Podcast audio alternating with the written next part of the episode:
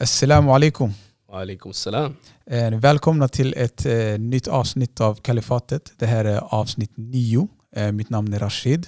Och mitt namn är Mohammed Amin. Och det är vi som driver den här podden Kalifatet där vi försöker nyansera perspektiven som, ja, de som, som saknas helt enkelt där ute. Precis. Och salam alaikum betyder Frid vare med dig, så inga missförstånd där. eller hur? Det är ingen krigsförklaring eller så, utan det är en hälsningsfras. Yes. Eh, Men jag tror att våra lyssnare vet det vid det här laget. Men eh, better be safe and sorry som de Ja säger. precis, det skadar aldrig att vara extra försiktig. Idag så eh, ska vi prata om eh, SD och islamofobi. Eh, ett ämne som eh, vi har länge velat eh, diskutera men eh, där vi bara egentligen har skjutit upp på det. Och sen har vi liksom haft en, en liten paus med podden på grund av sjukdom och lite annat också. Men nu är vi tillbaka med, med avsnitt 9. Och eh, som jag sa innan så är ämnet SD och islamofobin. Och det som, eh, det som föranleder till det här avsnittet är ju eh, det som har diskuterats de senaste dagarna. Det var ett program på SVT som heter Sveriges möts. I det här programmet så diskuterar man huruvida mångkulturen är bra eller dålig. Det var ett jättekonstigt programformulering eller problemformulering och hela upplägget var jätteskumt.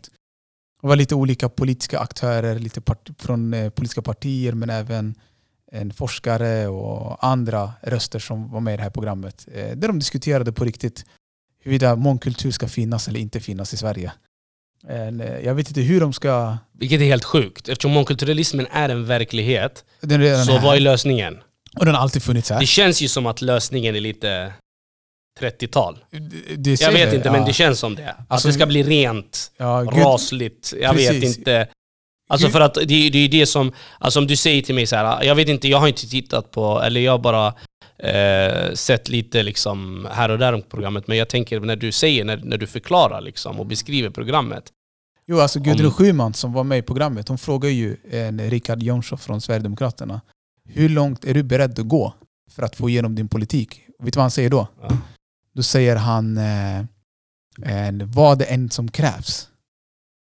Och det är ganska farliga ord från några som eh, i princip beskrivs som eh, neofascister eller Mm, den nya, nya fascismens nya ansikte i Sverige. Liksom. Precis. Och det är ju, Det, blir lite, det är lite skrämmande då, Ja. jag på säga, som de säger att de Eller- krävs. Men eh, på tal om eh, djävulen höll jag på att säga, Richard Jomshof, eh, han gick ut och eh, sa i programmet då att islam är en avskyvärd religion.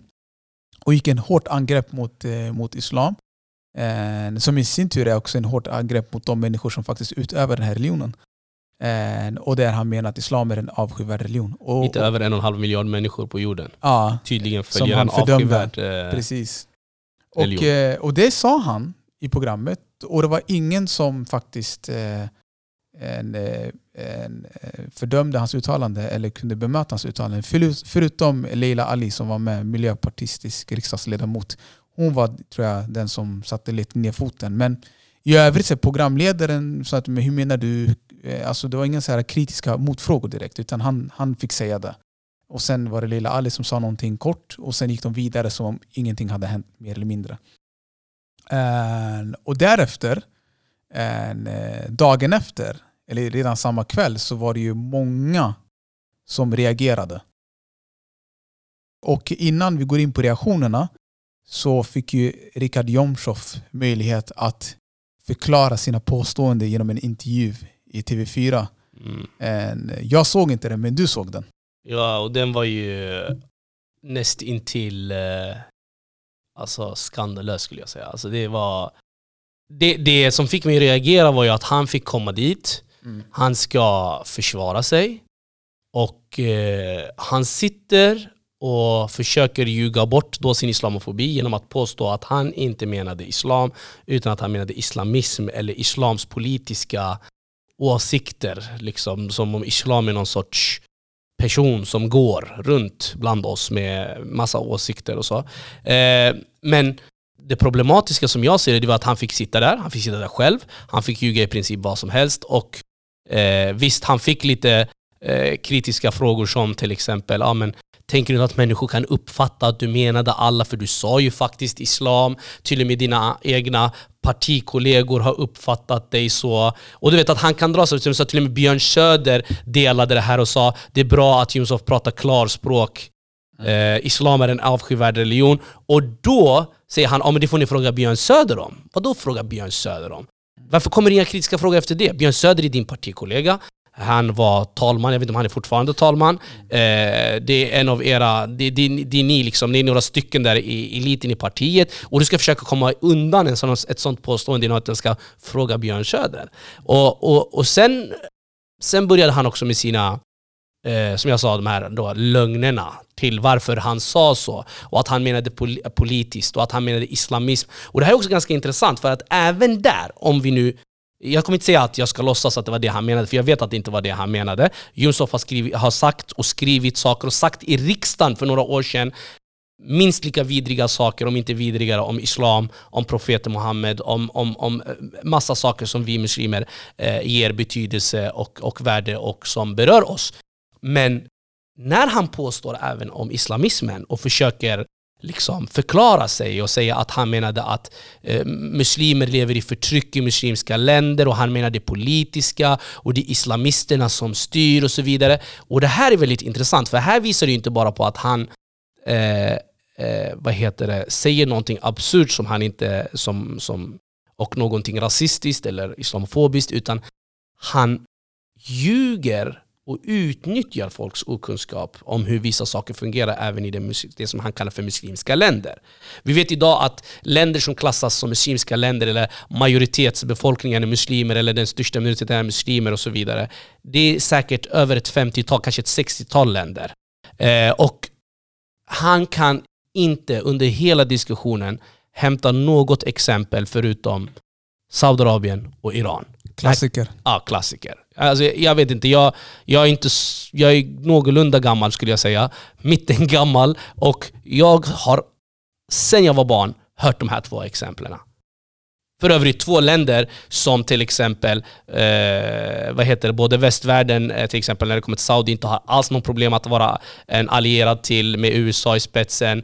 Eh, som, som SD verkar inte ha något alls problem med. Samma sak med Iran, den allierade till Ryssland som, som SD är deras lilla gullegris eh, under de senaste åren. Mm. Så jag menar, det finns så mycket. Och sen det här med liksom att man kallar Turkiet för ett islamistiskt land. Liksom, och, och, och, och du vet, och det, han säger så många eh, skumma saker och utnyttjar helt enkelt folks okunskap om att faktiskt de flesta muslimska länderna innan den arabiska våren och även efter den arabiska våren styrs av sekulära diktaturer. Inklusive Turkiet som han hämtade som ett exempel eh, innan och han hämtade då Erdogan som ett exempel. Och vi vet att massinvandringen som kom till eh, Sverige från Turkiet, eh, både av turkar men även kurder som var förtryckta där, kom faktiskt under den, de sekulära diktaturstyrena, skulle jag hålla på att säga, eller de sekulära styrena som fanns i i Turkiet. Atatürk. Som grundades i Atatürks idéer, som han för övrigt menade skulle vara något positivt i jämförelse med Erdogan. Vilket också visar på den politiska kunskap som han eh, har, eller om han eh, helt enkelt bara sitter och ljuger. Det vet jag inte faktiskt. Mm. Nej, men det, det, är uppenbart att han utnyttjar eh, människors okunskap till att börja med. Men också att eh, islamofobin har blivit så mainstream i det här landet att man kan faktiskt säga de här sakerna och komma undan en, en, och det är inte första gången som han fäller de här typerna av uttalanden. Och som du nämnde har han sagt saker tidigare. Och Sverigedemokraterna har ju en historia av liksom islamofobi. En, eh, både så högt och lågt. Både inom, eh, inom partiet men även utanför partiet. Vilket vi kommer komma in på lite senare. Men det som är intressant är att jag är själv förvånad att första gången som någon riksdagspolitiker för Sverigedemokraterna droppar något islamofobiskt och det är faktiskt lite reaktioner. Ja det var lite ovanligt det var, jag, jag måste säga Och jag tror att det är det som gör det jobbigt för honom också. Ah, för han... att han är van att komma undan med sånt här. Och inte bara han, alla hans parti kamrater är också vana att komma undan med det här. När vi skrev artiklar till exempel om eh, deras problematiska uttalanden så var det inte att de fick eh, en, sitta och förklara sig själv i en morgonsoffa eller i en studio. Nej, men det är skillnad när du säger det och när Kristersson säger det. Ja, det är uppenbarligen.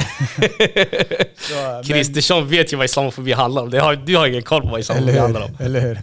Men Annie Lööf, hon liksom sa ifrån. Hon var en av dem som eh, hade liksom sa att det här är ett islamofobiskt eh, uttryck. Och det är ganska intressant att tidigare när eh, en personer eller partiordförande i de här riksdagspartierna, de tar ju sällan islamofobi alltså de, I mun? Exakt, de, de är väldigt reserverade. Utan de kan säga främlingsfientlighet, de kan säga fördomar. fördomar, intolerans och liknande. Men islamofobi, det är liksom, men den här gången så var det så pass tydligt att de var tvungna att även eh, en, eh, säga islamofobi.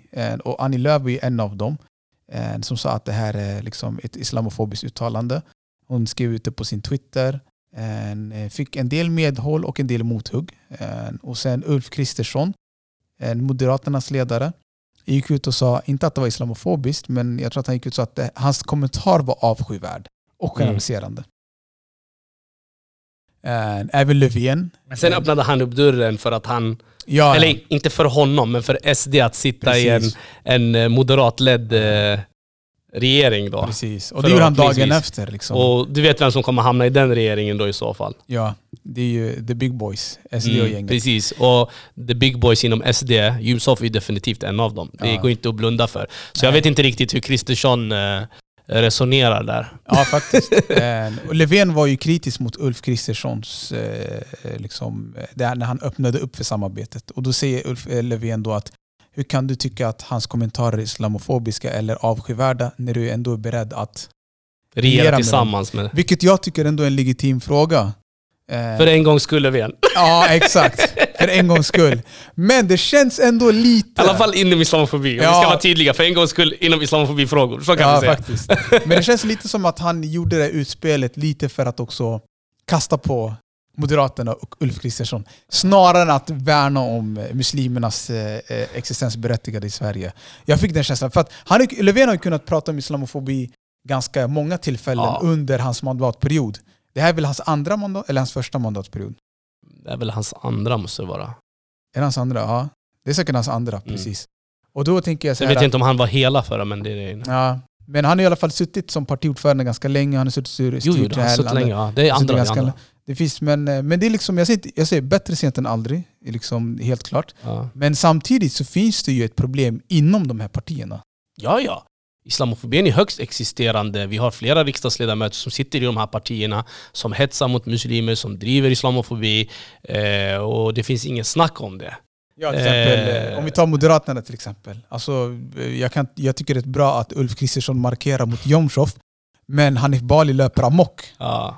På Twitter och... Ja, ja han är nästan, han är ju alltså, han är på Jomshofs nivå. Inte, det är, om inte värre alltså. Det är ju islamofobiska radarparet liksom. De hade kunnat göra en bra duo. En, lite som Dancing with the stars, du vet. De som hade kunnat gå, gå långt. Men det som är intressant är att du vet när... Popforward, islamofobi-uppställningen. Eller hur? Dwight York och Andy Cole under Manchester United när de var som bäst. Men eh, det som är intressant är att eh, när Hanif Bali skriver islamofobiska saker, vet du vad folk säger i kommentarerna? De säger till honom Snälla, kom till SD. Du sitter i fel parti Hanif. ja, alltså, han är så grov till och med att Sverigedemokraterna, deras väljare, blir så imponerade mm. över hans islam. Och han är ju perfekt som alibi liksom, eh, eftersom de använder men det är inte vi som säger, det är Hanif Bali som säger. Ja, det ensamkommande flyktingbarnet som säger att vi ska inte ha fler ensamkommande mm. flyktingbarn. Mm. Det ensamkommande flyktingbarnet som kommer från ett muslimskt land inom situationstecken, för ni kan inte se mig nu, ja. eh, eh, som eh, som vad heter det, eh, som säger det här. Så det, det, är självklart att de vill ha en sån. Liksom. Utnyttja, det passar ju perfekt som ja. en front, eh, frontansikte lite... på eh, val...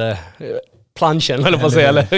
ja, det är alltid enklare Official. när någon annan säger det. Speciellt någon som ser ut som Hanif Bali. Men det var samma sak i programmet Sverige möts. Så var det ju en Luai Ahmed som var väldigt aggressiv i sin retorik. En, eh, en, en ung kille från Yemen som har liksom kommit till Sverige bara för typ 6-7 år sedan.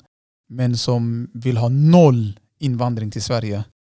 Eh, och han kom själv hit liksom. Ja. Han flydde från Jemen till Sverige. Men så fort han kommer över gränsen så vill han stänga dörren för alla andra. Ja, alltså. precis. Men det är också ganska intressant, för Jomshof försöker ju påstå bland annat att han liksom hängde med efter att Loai sa alla de här grejerna och allt som han varit utsatt för då för att han...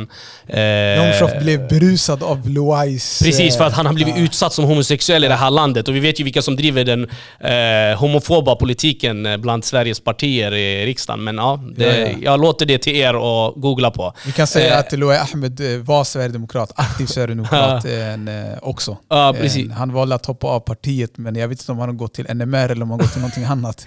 Han kanske blev utsatt för homofobi, man vet ju vet aldrig. aldrig, ja. Men det som är intressant här är att som jag vill komma fram till är att den här Jomshof försökte då påstå att han liksom hängde med här och att det var därför och islamister styr och så vidare. Det intressanta är, ännu en gång, han använder antingen folks okunskap eller så är han bara så okunnig själv att han inte vet vad han pratar om och vet ingenting om hur, hur de här länderna styrs. Men för den som vet, innan arabiska våren så styrdes Jemen av en, eh, en diktator eh, som jag tror styrde landet i lite eh, sådär över 30 år, om inte jag missminner 31 år kanske till och med. Eh, Ali Abdullah Saleh, för de som vill googla på det.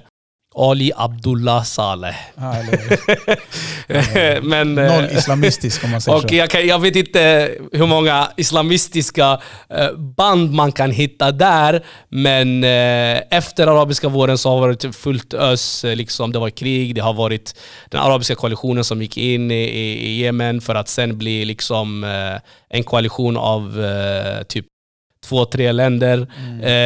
Eh, och eh, Jemenkriget pågår fortfarande och Ja, det- förödande eh, resultatet av det här kriget behöver vi inte ens prata om. Och eh, jag vet inte hur eh, får det till att bli en, ett islamistiskt bekymmer överhuvudtaget. Eh, då, då, om han vill hitta islamisters misstag så tror jag i alla fall att han behöver hitta på andra ställen. Faktiskt. För han säger själv också i det här programmet att rasism är ett importerat problem. Och det här ser han i samma andetag som att han har Oj. rötter- Ja, att, det, att rasismen kommer inte härifrån utan det är någon annan som har fört med sig det hit. Han säger att det är ett importerat Oj. problem. Och det här säger han i samma andetag som eh, när han berättar om att han har själv ett invandrarursprung och att han eh, har eh, sin bakgrund i Finland bland annat. Jag vet inte, jag, för mig, jag drog det i kopplingen som att det är han som har hämtat problemet hit. Alltså, killen säger att rasism är Han, rasismen är importerad och han påstår att han har kommit till Sverige. Ja. Ja, jag vet inte. Ganska Så- intressant slutsats. Ja, Det kan vi i alla fall säga. eller hur? Men eh, det är som intressant att reaktionerna är starka. Det skrivs ledarskribenter, debattartiklar om, eh, om just hans uttalande och hur avskyvärda hans uttalande är. Eh, bland annat från partiledarna. Samtidigt som partierna själva kanske måste rannsaka sig själva i sina egna led. Det är alltid lättare att fördöma rasismen någon annanstans. Mm. Eh, men, eh, Det är jag- sant. Det gör ju länder också. Hela fördömer, vissa länder fördömer rasismen i Sverige när det händer någonting. Sve- Svenska medier är duktiga på att fördöma rasismen i USA och andra länder när det händer någonting där. Och så är det ju. Det är Mm. alltid lite lättare att eh, fördöma när någon annan gör fel. Så är det. Eh, och, och jag tror att det här kan vara bra För jag hoppas att vi är överens fortfarande i Sverige att rasism är fel. Det tror jag att vi måste vara. Annars ser det inte Man bra vet aldrig om Eller hur? Med tanke på utvecklingen. vilken regering som kommer i framtiden, då vet man aldrig. Precis. Nej, och, och det, på tal om regering. Så Ulf Kristersson fördömer Jomshof men ändå är beredd att regera. Inte bara Moderaterna, även Liberalerna har gått ut och sagt att Sverigedemokraterna ser samhället på så samma sätt som de borgerliga partierna gör. Det här är ett, ett direkt citat från eh, en eh, kära Nyamko Sabuni som är partiordförande för Liberalerna. Och det är ganska intressant att eh, Men Nyamko Sabuni och, och, och vem var det? Jimmie Åkesson eller vem det var? De satt, kastade lite bollar till sig och till varandra. I, ja, det var på Agenda eller Aktuellt. Ja, och sen blev det några artiklar också tror jag, på Mm. Aftonbladet eller någonting. Jo, Och det är så halv, halvdana du vet, avståndstagande kändes det som när Jo. man läser. Det låter som att de försöker visa att de är långt ifrån varandra, men hur de än skriver och när man börjar analysera så känns det som att de ändå är ganska nära. Jo, sen när jag kollade på den här debatten eh, mellan de två, det var snarare som att Nyamko försökte säga att ja, men det är inte så stor skillnad mellan oss. Vi kanske tycker olika i vissa frågor, men i andra frågor så skulle vi kunna samarbeta. Utan Mm. samarbetet ska inte vara på idébasis utan Precis. snarare på partipolitiskt. Men då säger han att, och lite så kaxigt Jimmie Åkesson, att vi, han säger, inte säger rakt ut, men han menar att vi har inget behov av Liberalerna. Han säger till mig, jag hoppas att ni åker ut. Han sa det i debatten. Ja. En, och det är också Men det är självklart, för då får de ju mer att säga till om. ja. Och ju, mer, ju större de blir, ju större påverkan de har, desto mer får de säga till om. Och det är självklart att med en regering där man sitter och man är minoritet, då kanske man får igenom en del av sin politik. Ju större man blir, desto mer får man igenom. Och det är väl så han tänker. Men Jo. jag tror inte de har något problem heller att kompromissa till exempel med deras invandrarfientliga politik typ halvvägs. Det är fortfarande ett plus för dem. Och det, och, och det, och det tror jag är en framtid som kan eh, vara väldigt nära om utvecklingen fortsätter Mm. på det sättet som det gör. Men det som är sjukt är att för tio år sedan så Sverigedemokraterna knackade ju på de här partiernas dörrar och sa att låt oss samarbeta, låt oss hitta en väg. Eh, Men nu är det tvärtom. Nu springer ju många partier Mm. Det är för efter att de dem. är stora. Och politiken tvingar dem på något sätt. Och de är beredda att eh, lägga sina... Det som de menar är deras principer åt, sid, åt, åt sidan för att eh, regera. Och det har vi sett förut från andra partier också. Att, och i andra länder. Liksom, det är ingenting nytt. Nej. Att politiker lägger eh, det som de påstår vara deras principer eller värden åt sidan för att komma in i Jo. det politiska En intressant historisk referens är ju en, eh, en Tyskland när Hitler kom till makten genom demokratiska val. Så en, uppstod det ju en, eh, liksom, ett politiskt kaos i parlamentet. Eh, De konservativa och de socialdemokraterna lyckades inte komma överens om att bilda en regering. Och då start, bildade de konservativa regering med, med Hitler istället. Ja. För att eh, de trodde att de kunde kontrollera Mm. honom en, och deras parti. En, men vi vet ju hur det slutade. Och är det någonting vi har lärt oss från historien så är det att fascismen går inte att kontrollera. Nej. Och därför är det så, och det här måste folk förstå, även i Sverige. Och det är att den dagen fascismen tar sin plats, då kommer även de som trodde att de inte skulle påverkas av det, och som satt tysta när de såg andra påverkas av det, kommer också att Ja, ja. eh, bli en, eh, ett, en måltavla om de eh, inte håller med eller säger som fascismen vill. Så är det. Och det är lite som, man kan ju säga att eh, Sverigedemokraterna, man kan ju säga att de är, det är som att de kör bil. Jimmie Åkesson kör bil, han kör en, låt säga en Volkswagen. En, en, en gammal Hitlerbil. Och, var eh, Mercedes. eller hur? men- Nej, det var Volkswagen. Var det Han- Volkswagen? Ja, Volkswagen. Okej, han, ja. eh, De var i konkurs och sen startade han upp det. Okej, det visste jag Eh, inte. Så, ja, så det är en gammal Hitlerbil. Men låt säga han kör en Volkswagen. Och sen, eh, drivmedlet är ju liksom islamofobin. Det är det som driver själva bilen. Och sen bredvid honom sitter Ulf Kristersson och bakom honom sitter Nyamko Sabuni. Eh, Men det finns bara en krockkudde. Eh, Så du vet, när den bilen kommer krascha, för att han kör ganska fort i motorvägen. Och när han väl kraschar så kommer ju Nyamko Sabuni och Ulf Kristersson ta skada av, av den krocken. Jimmie Åkesson kommer själv också kunna ta skada av den krocken. Kanske inte lika allvarligt för att han är en krockkudde. Det är han som utformar politiken. Men det är lite så här att de här eh, partierna som, eh, de är ibland, jag skulle inte säga att de är naiva, jag tror att de vet vad de ger sig in i, men de är så makthungriga att de skulle kunna ta en pakt med djävulen ibland. Men, men, men det är det som är grejen. För de får, får, alltså alla politiska partier, visst man driver ju många olika frågor, men man har ju hjärtefrågor, kärnfrågor. Uppenbarligen. Kapitalet eller eh, eh, vad heter det, arbetarna eller eh, invandringspolitiken. så, som de så, kopplar till allt. Precis. Och eh, då, då blir det ju så. Och, och jag tror att SD, eftersom de är på många sätt ett enfrågeparti, på många sätt. Även om de har andra frågor så är det som du sa, det är oftast kopplat till invandring. Även när det kommer till arbetsmarknad, eller när det kommer till Miljön. bostadspolitik, eller när det kommer till miljön. Jag menar, någon SD försökte väl påstå att det var svarta som bidrog till global uppvärmning. Ja. Jag menar, hur kan man ens komma på något sånt? Alltså jag menar... Jag vet bara. inte, fråga Jomshof. Eh, hur som helst, eh, han, han förstår säkert den logiken. Ja. Men vad jag vill komma fram till här är ju att för SD, de är ju vinnare oavsett. För även om de har mindre att säga till om eh, i, i slutänden, så är det ett plus för dem så länge de kan säga till om i invandringspolitiken. Så alltså om, om Moderaterna får säga till mer i, i, i, i ekonomiska, den ekonomiska politiken, ja fine. Och det har vi redan sett nu när, när, när SD har suttit, jag kanske inte ska gå händelserna i förväg, men man har ju sett det nu när SD har suttit i opposition och när de har haft en, en vågmästarroll eh, i, i, i både förra mandatperioden men även i viss mån den här mandatperioden. Och hur de då har börjat rösta allt mer som till exempel eh, Moderaterna eller allianspartierna i de här ekonomiska frågorna. Eh, så de, de kan säkert, jag tror att SD kan förhandla i princip med, alltså sätta alla politiska frågor på förhandlingsbordet i utbyte mot att få eh, i invandringspolitiken. Och det är också en fördel för dem, för att när de får igenom vissa poli alltså, invand alltså när de får igenom en viss invandringspolitik som de vill, begränsning eller stoppa, som de vill dra i sin nödbroms, för, på liksom invandringsbromsen som de kallade den för några år sedan i en valkampanj. Då eh, är det en fördel för dem, för att då har de ett bevis till folket att vi sa till er att vi skulle minska på invandringen och vi har lyckats med det. Så, så jag menar ju att Sverigedemokraterna är ju nästan vinnare eh, vilket fall som. Det är win-win för dem? Ja, just nu. För att det finns en sån opinion där ute. Eh, alldeles för många svenskar röstar på SD trots att de missgynnar dem, som till exempel arbetare, när de röstar till exempel med Alliansen i vissa frågor.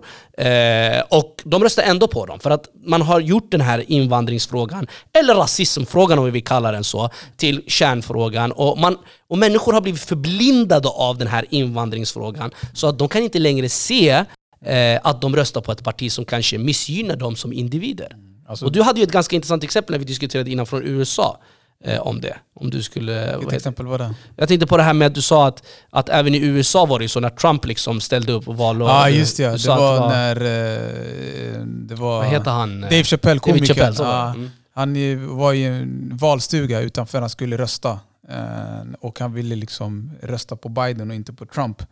Och då säger han att eh, men ehm, i ledet så står det massa republikaner som ska också rösta. En väljare då. Och då frågar han varför röstar ni på Trump? Alltså Trump är inte bra för er. Han är bra för mig. Han bara, jag är rik. Trots att Dave Chappelle är svart man, han är muslim och allt sånt där.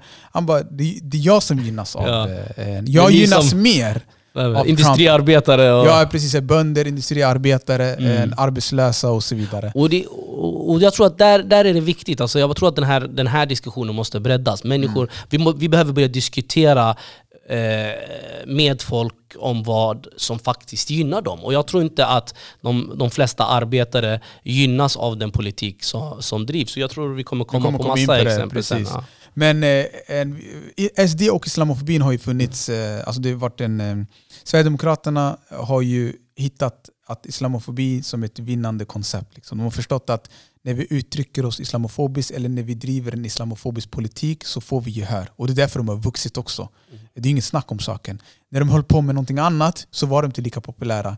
Men eh, när Jimmie Åkesson skrev den här debattartikeln på Aftonbladet att eh, islam är det största hotet mot västvärlden sedan andra världskriget. Något sånt Sverige där. eller? Ja, ja eh, sedan andra världskriget där han jämförde islam med fascism. Eh, då fick han, ja det jag vet, det låter så helt sjukt, men när han gjorde det och han fick den publicerad av Aftonbladet, då eh, fick han ju, alltså det blev ju som en sprängstoff. Alltså det var ju, folk liksom hungrade efter den här typen av artikel och sen har de liksom fortsatt det. Men vi har ju liksom delat in Sverigedemokraterna typ i tre kategorier kan man säga. Mm. Vi har liksom den sverigedemokratiska eliten. Eh, det är ju eh, alltså Åkesson, Mattias Karlsson, det är Björn Söder, det är eh, alla de här, Richard Jomshof, det är de här som, som ska vara liksom den ideologiska liksom basen. Mm. De som försöker få Sverigedemokraterna att bli ett framgångsrikt parti och de har lyckats i viss mån. Med, med alla eh, åsikter om deras avskyvärda åsikter och äh, värderingar. Ja. Om vi använder... Äh, om vi använder avskyvärd som ett Precis, begrepp. avskyvärd får vara ja. vårt huvudbegrepp idag. Äh, så, så har de ju lyckats i mm. viss mån. Och egentligen är inte deras politiska strategi speciellt så här, jätte så här, intellektuellt Alltså, hur ska jag förklara mig? Nu ska jag försöka komma på här rätt ord. Men alltså, jag menar att deras förslag är inte så jätte, jättesmart. Liksom. Utan det är inte så att de har eh, öppnat Pandoras ask. Utan saken är den att det, det är bara det att de har egentligen kommit fram till ungefär samma sak som vi har sagt i ett tiotal år också.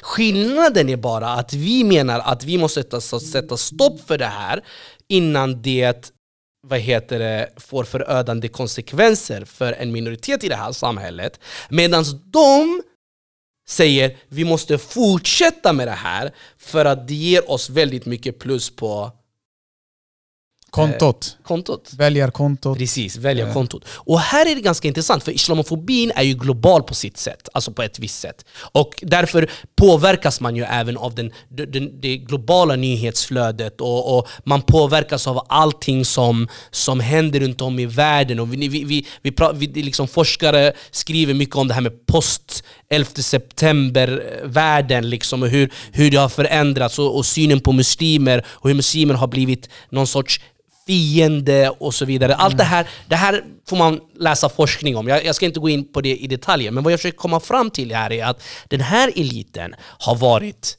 eh, eh, ganska, alltså de har haft en ganska smart politisk strategi om vi säger så, eh, med tanke på att de har använt den här metoden. De har ju fattat att islamofobin säljer. De har fattat att islamofobin är bra. Det är ett vinnande koncept som du sa i början. Islamofobin eh, enar också i, i viss mm. mån. Eh, eh, eh, människor som ibland inte är enade. Och inte för att de, är, att de blir enade i all evighet, utan de blir bara enade i islamofobin. Och när Sverigedemokraterna har fokuserat, alltså nu pratar jag om Sverigedemokraternas elit som jag kallar dem, eller liksom eh, höjdarna, ideologerna. De har kört, enligt mig, på den här strategin planerat. Jag tror, jag är väldigt svårt att se att det bara skulle vara slumpen. Mm. Eh, och eh, man ser det också i deras... Eh, om du, du sa att Sverigedemokraterna tidigare inte var så stora, och det är sant, Sverigedemokraterna har funnits långt, långt innan, eller långt, långt kanske inte, men de har funnits många, många år i alla fall, om vi säger så, innan de kom in i riksdagen. Så, var, alltså, så, så någonting gynnar ju dem sen.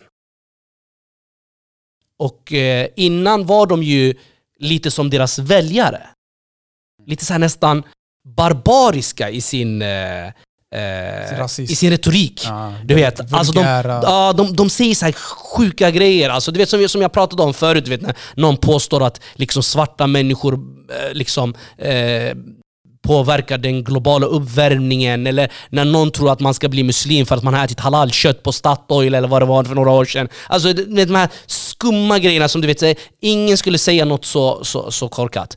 Eh, och ändå är det Sverigedemokraterna som någon politiker som har kommit med förslag att man skulle ta in invandrare som är mer intellektuella och mindre de som är lågintellektuella. Men det, det, är en annan fråga. Det hade inte varit många sverigedemokrater som skulle kvalificera sig in i den. Ja, tack och lov att de inte behöver invandrare. Ja, eller, eller de har ju för sig en hel del invandrare också. Ja, det. Men det där är till en annan diskussion. Ja, det, det måste vara en helt annat avsnitt. Ja, Aktiv invandr invandrare i Sverigedemokraterna. Invandrarna som röstar på Sverigedemokraterna. Det skulle vara ett intressant avsnitt. Hur som helst, vad jag, vad jag vill komma fram till, jag tror jag blev lite utdraget här, men vad jag försöker komma fram till i alla fall, att när eliten, eller de här ideologerna, har använt islamofobi som ett lyckat slagträ. De har tryckt på islamofobin. Som vi sa, de har kommit undan med den. Det är därför jag tror också, som vi sa, den här eh, Rickard eh, kommer undan, eller, eller blir kanske förvånad nu och blir pressad när han ska behöva förklara sig vad han menar med islam, en avskyvärd religion, och ska behöva säga att han menar politisk islam eller islamism, när alla vet att han menar islam i alla fall. Eh, till och med Björn Söder förstod det. Jag menar, det säger allt. Eh, och när vad heter det, de, de förstår, alla förstår vad han menar, eh, så är det här också, tror jag, det stärker det som jag försöker då påstå, att de använder islamofobi som ett slag. Samtidigt som de har dämpat ner andra former av rasism. De finns kvar i partiet. Det finns antisemitiska uttalanden, det finns homofoba uttalanden, det finns antikvinnliga uttalanden. Eh, de har politiker som har blivit eh, anmälda och dömda för, för hets mot folkgrupp och för kvinnokränkningsbrott av olika ja. slag. Men eliten försöker så gott som det går att hålla sig eh, borta från det här. Man pratar om nolltolerans tolerans mot rasism. Man kickar ut en och annan medlem när de, när de säger de här sakerna. Eh, man försöker verkligen visa, men det finns ingen nolltolerans mot islamofobi. Och islamofobi är bara en annan sorts rasism och alla forskare är överens om det här som jobbar inom, som, inom, inom rasismen. Men Sverigedemokraterna vill framställa deras islamofobi och deras rasism mot människor som har valt islam som religion som en form av religionskritik fast det inte har med det att göra. Och det är här jag menar att det är för att de har sett att man kommer undan oftast med islamofobi. Därför tror jag också att för den eh, eliten inom SD, eh, den politiska eliten inom Sverigedemokraterna, de kanske inte är lika vulgära i sin, eh, i, sina, i sin retorik. Men jag tror inte att de sörjer när deras väljarkår en, en fäller de här vulgära rasistiska konspirationsteorierna på sina Facebook-sidor och på sina Twitter-konton och, och, liknande. Jag tror att Jimmy Åkesson skulle nog själv kanske inte säga vissa saker men han sörjer inte när hans partikollegor, kanske lägre nivå i kommunnivå, men även väljare uttrycker sig på Ja men till exempel när SD nämnde man som säger döda blattarna. Och gruppledaren har förståelse och fortsatt förtroende för honom. Det här är saker som händer i SD. Det här händer ju hela tiden, varje dag. Eller en kommunpolitiker som säger att det är ett stort problem att utlandsfödda, eller utrikesfödda barn går i samma klasser som, som eh, vad heter det, infödda. Vilket är helt sjukt för att jag uppenbarligen så menar han ju inte infödda som mig. Nej. Och det är ganska intressant här också, de vet ju själva inte vad de pratar om ibland när de pratar. Kanske inte ens vet att jag är född där. om de skulle utgå från hur det ser ut så tror jag att de inte skulle nog klassa det som en infödd. Ja precis, de kanske skulle använda ett annat ord eh, än infödd. För det blir ett problem med infödda. Det är många som kommer att klassas, där, klassas in i den här kategorin som de säkert inte vill ha där. Bland annat Richard Jomshof kanske. Ja men alltså men till exempel, eh, som vi sa, liksom, någon, någon SD-gruppledare som hade sagt eh, i blodet på och sen använde han en ordet om svarta människor. Eller eh, eh ariska krigare eller hellseger. Alltså, jag menar, det här är ju rena och skära nazistiska uttalanden, rasistiska, fascistiska. Och de här sakerna finns. Men det är sällan du ser som vi sa ännu en gång, den här absoluta eliten som jag kallar då för SDs ideologer eh, som använder det. Men islamofobi, du kommer undan. Det är, ingen som, det är ingen som kräver av dig att avgå när du säger islam är en avskyvärd religion. Men! Tvärtom, skulle du säga med... så om andra religioner så finns det en stor risk att det finns en risk, jag säger inte att det behöver vara så, men jag ser att det finns en risk att det kanske blir lite mer, eh, vad heter det, eh, en kritikstorm som blir kanske till och med starkare än den här som vi såg nu. Jag tror också att eh, när man säger kanske islam är avskärsreligion så kanske det inte kostar dig någonting utan tvärtom, du kanske till blir belönad. Du kanske Precis. blir promotad till en Men position. Det, det, den attityden finns, mm. och det visade ju Björn Söder mm. när han säger att man pratar klarspråk eller vad han använder för uttryck. Förstår du? När han ja. säger att han pratar klarspråk. Så det, det visar ju på att det finns människor som tycker att det är bra att man säger så. Och de här människorna är de som kallar sig tyvärr för eh, mm. Sverigevänner. Eller hur? Och är de Sverigevänner eller egentligen Sverigefiender? Ja, det är en bra fråga man måste ställa sig. För att vara Sverigevän så tycker man ju att man borde göra någonting som gynnar Sverige. Men när du sitter och, och, och håller på och sprider fascism i samhället, polariserar samhället, eh, skapar eh, vad heter det, eh, splittring mellan folk, hat, eh, eh, vad heter det, ogillande. Hur, hur gynnar det Sverige på något sätt? Och hur, framförallt, hur gynnar det deras väljare tänker jag? Eh, de eh, är ju så måna om att eh, de, de gillar ju säga att vi värnar om våra väljare, det svenska folket och liknande. Och de ställer oftast pensionärer mot invandrare. Till exempel, vi ser ju deras valkampanj, tror jag det var 2010 eller 2014. Den är pensionären i rullator, och sen är det muslimska kvinnor som skulle symbolisera invandrarna. Och det är också ganska intressant där. Mm. För det här har du ju också, det här invandringsbromsen kontra pensionärsbromsen. Ja. Det var ju den det handlade om, att ja. Sverigedemokraterna vill ju dra ner pensionärsbromsen. Eh, för att det är de som bryr sig om pensionärerna och alla andra partier bryr sig bara om invandrarna. Men här visar ju också islamofobin ännu en gång, och att islamofobin eh, eh, vad heter det, är ett vinnande koncept och att du kommer undan med islamofobin. De kunde ha eh, lagt personer där som, som eh, icke-vita personer. Men då skulle det bli så tydligt, den här rasismen. Så vad gjorde man? Jo, man slängde in en massa kvinnor som har niqab på sig. Så att muslimerna fick representera invandringen utan att du behöver sätta den här Epitetet på dem. ra rasismstämpeln Ja, på dem. precis. Och, och, och det visar ju också, jag tror inte heller det här är ogenomtänkt. Nej, och sen här, den här reklamen, de här reklamerna sändes ju också på TV4. Det är fyra, vilket är inte- skandalöst i ja. sig. Och TV4 som en kanal som menar att de har nolltolerans mot rasism och massa saker. Och då kommer vi tillbaka till igen, vad är det för rasism som TV4 har nolltolerans emot? Och det här är också In- ganska intressant att fråga, i för vi har ett problem i Sverige idag, att man gör skillnad mellan islamofobi och andra sorters rasism. Det är ingen snack om det, och jag tror att inte ens det är svårt att bevisa. Det finns ett flertal artiklar som skrivs, det finns ett flertal reportage som görs, det finns ett flertal vad heter det, eh, program som sänds. Om man skulle ändra ordet islam, muslim eh, till, till andra saker, då hade det blivit ett stort rabalder och det hade varit en, en, en stor diskussion om hur Sverige faktiskt mår. Eh, men på grund av att det är islam och muslimer så kommer man undan. Det, här är, det, det, det, det, det är inte svårt att bevisa. Nej. Sen var du inne på det lite tidigare, att SD missgynnar sin egen väljarkår i större utsträckning. Än- Ändå så går de här väljarkåren och röstar på Sverigedemokraterna gång på gång. Och att de blir förblindade av den islamofobi som förenar dem. Att de är beredda att offra delar av sin egen bekvämlighet. Det kan vara allt ifrån höjd a-kassa eller tryggare liksom välfärd och sådana saker. Att de kan, de kan nedmontera de bitarna bara genom att bara att man liksom Mm. driver en islamofobisk linje. Ja men precis, och, och man kommer undan med det. Jag kommer ihåg för några, för några år sedan hade jag en diskussion eh, med några när jag jobbade extra med eh, ett eh, yrke. ett visst yrke. Liksom eh, ett eh, yrke som inte kräver några eh, högre utbildningsnivåer eller så. Och vi, ibland hamnade vi i diskussioner och en dag så hamnade vi i den här diskussionen till exempel om SD och så. Och, och vi vet ju att SDs väljare är oftast, eh, jag vet inte, enligt statistiken så är det ju oftast män, vita män oftast också, eh, och eh, lite i alla åldrar faktiskt och så vidare. I alla fall, vi hade den här diskussionen och det fanns folk både med föräldrar från andra länder och, och de som inte hade det. Men vi jobbade i ett område där väldigt mycket människor bor som har föräldrar från andra länder. Och vi kom in på integrationsdiskussionen egentligen och det var det som ledde oss vidare. Um, och eh, egentligen var det två huvudfrågor vi diskuterade. Det första var ju det här med egentligen hela den här diskussionen om integration. Att liksom SDs, eh, eh, vad kallar man, eh, eh, har fått sanningsföreträde i de här frågorna.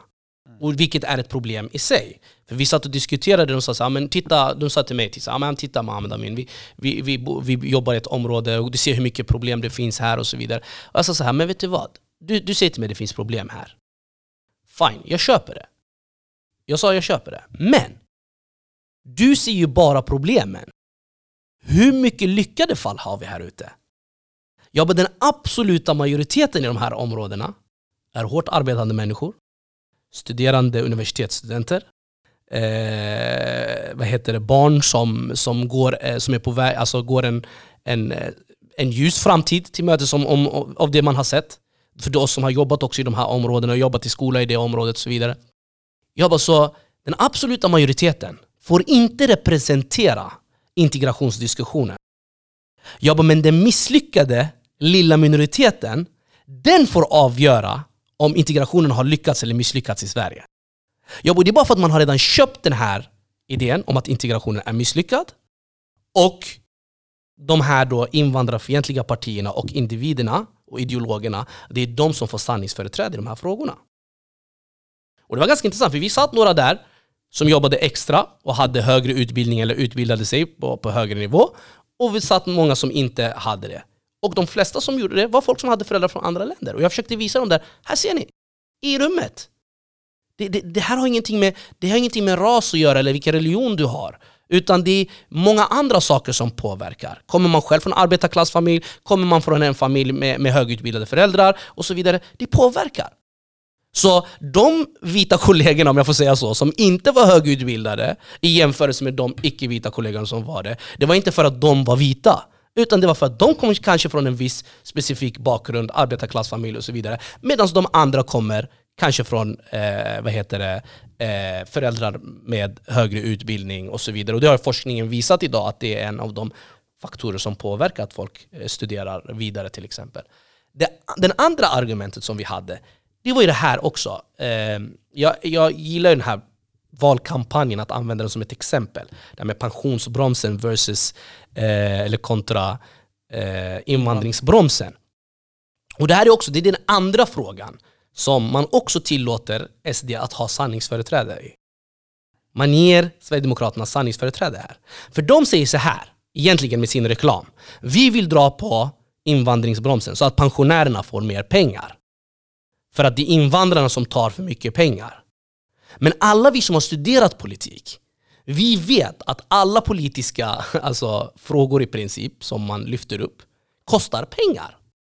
Så varför är det just invandringen som måste vara motpolen till pensionärernas pengar? RUT och ROT-avdrag kostar hur mycket pengar som helst. Miljarder varje år!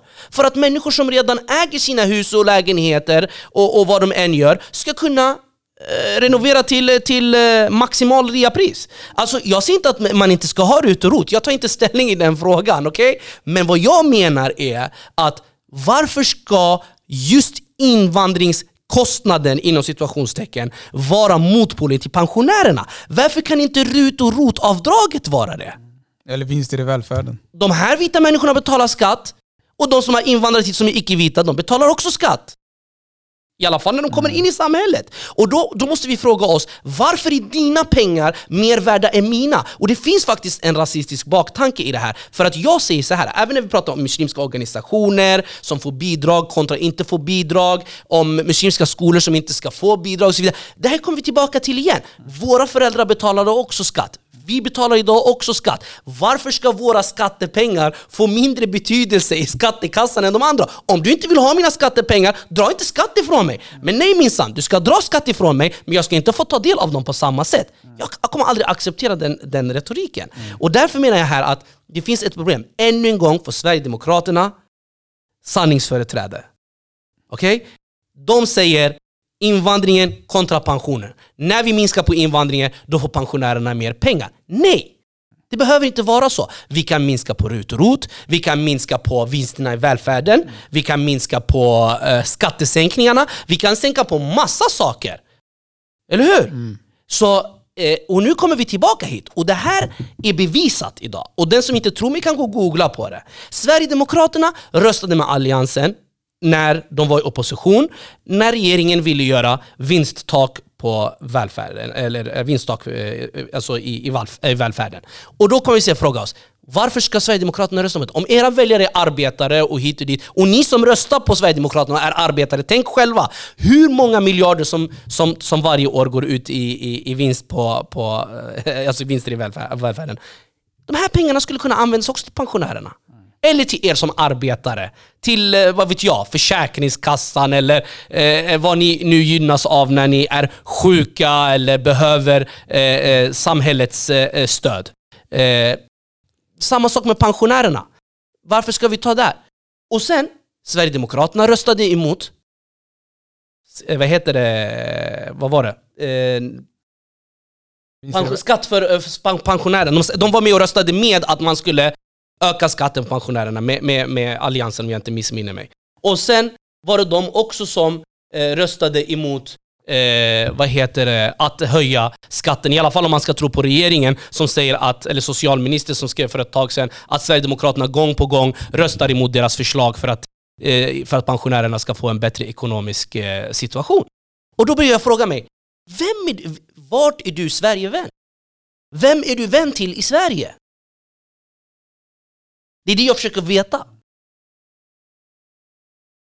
Ja, de, de är... Och då blir det så här, man exploaterar pensionärernas utsatthet, utsatthet. Mm. i en tid, pensionärer som jag också håller med i argument, i stor del har byggt upp det här landet som vi idag lever i och njuter att leva i på många sätt och, och har en bra levnadsstandard. De här pensionärerna är utsatta. Och de sitter och exploaterar deras situation och tar fram de här argumenten om hur de här stackars pensionärerna har byggt upp det här landet. Men sen när det kommer till att ta beslut som påverkar de här pensionärernas vardag för att de ska kunna betala sin hyra och för att de ska kunna köpa det de vill utöver de här livsnödvändiga eh, sakerna som, som eh, mat och, och hyra och, och, och det som och vård. När de vill gå och göra någonting extra eller någonting roligt eller köpa något till sina barnbarn och inte har råd med det, då använder de de här människorna som exempel för att sen gå och rösta emot förslag som skulle göra deras liv lite lättare. Och det som är... Eh, Alltså jag vet inte, jag blev ja, lite det blir- rörd nu nästan ja, det men, blir men alltså man blir, man blir ju berörd på, på, Om ni- på allvar när man Om ni tänker på de kunde här se sakerna. Amin i studion just nu alltså. Eh, Ja förlåt, jag tog över här. Det Jag är, ingen får, fara. eh, det är ingen fara. Jag tycker det är en jättebra en, eh, summering faktiskt av det här avsnittet. En, och det är att... Eh, och observera, det är inte bara Sverigedemokraterna som gör det här. Det nej, finns ju andra partier som gör exakt samma sak. Det enda jag vill påpeka här i samband när vi nu diskuterar Sverigedemokraterna, att de gör det här väldigt tydligt. De, de framställer alla som fiender till Sverige, förutom de själva. Men i slutändan när man tittar på deras politik, hur de röstar, vad de tar ställning, hur de tar ställning, vad de fokuserar på, vad deras beslut leder till, från polarisering till att pensionärerna får mindre pengar. Tyvärr, jag är ledsen. Men jag ser ingen vänskap till, till, till, till Sverige eller till de grupper som de påstår sig vara vänner till. Jag kan inte se det. Och åtminstone det jag säger kan ni gå och kolla upp om det stämmer eller inte. Och så kan ni se själva att så faktiskt ligger det till. Till skillnad från Yunusov som sitter och bara ljuger en massa saker om hur det ser ut i muslimska världen. Och där kan ni också googla upp det som han sa och det som jag har sagt att han har fel på. Och så kommer ni se ännu en gång hur, hur verkligen det ser ut. nej, alltså populister är inte kända för att tala sanning. Eh, Nej, det är för sig sant Ja, också. Men varför går människor på det de säger? Det är det som är problemet. Ja, det är kanske ett helt annat avsnitt. Vi kanske ska hämta någon person som har gått på deras... eh, och se vad är det som har gjort att du gått på deras bluff? Ja, men populismen är ju så. Det, hänger, det, är, det är väl många orsaker tror jag. Det, Jag tror att också folk eh, köper den här enkla förklaringsmodellen. Precis, det är lättsamt precis. och det, folk pallar inte. Verkligheten är komplex, Ja, men den enkla förklaringen är den är tilltalande. tilltalande. Precis. Och då blir det ju det blir motstridighet i sig. Man kan inte förklara en komplex verklighet med, ett, med en enkel lösning eller med, enk, med en enk, enkel förklaring. Om det vore så enkelt. Ja, om det Eh, vore så enkelt. Det får bli slutordet. Hur? Men eh, tack ska ni ha för att ni lyssnade och eh, hoppas att ni eh, tycker det här avsnittet är givande. Eh, fortsätt att dela och, och sprid eh, ordet till fler personer som kan ta del av den här podden. Och med det sagt så säger vi assalamu alaikum. Ja. Vi vill bara påminna också om att fortsätta dela oss, sprid, likea. Gillar du, likea. Gillar du inte, dela också. Ja, exakt. Så att det kommer ut. Låt det komma ut. Ja. Och eh, följ våran eh, Instagram-sida också. Ja, Vi har Instagram och ja, eh, och Twitter och Facebook. Twitter lägg, och Facebook. det okej. lägger vi upp allting. Ja, så det är bara att dela Mm. och, och följ. Just det. Och assalamu alaikum. Alaikum assalam wa rahmatullah. Och ingenting annat.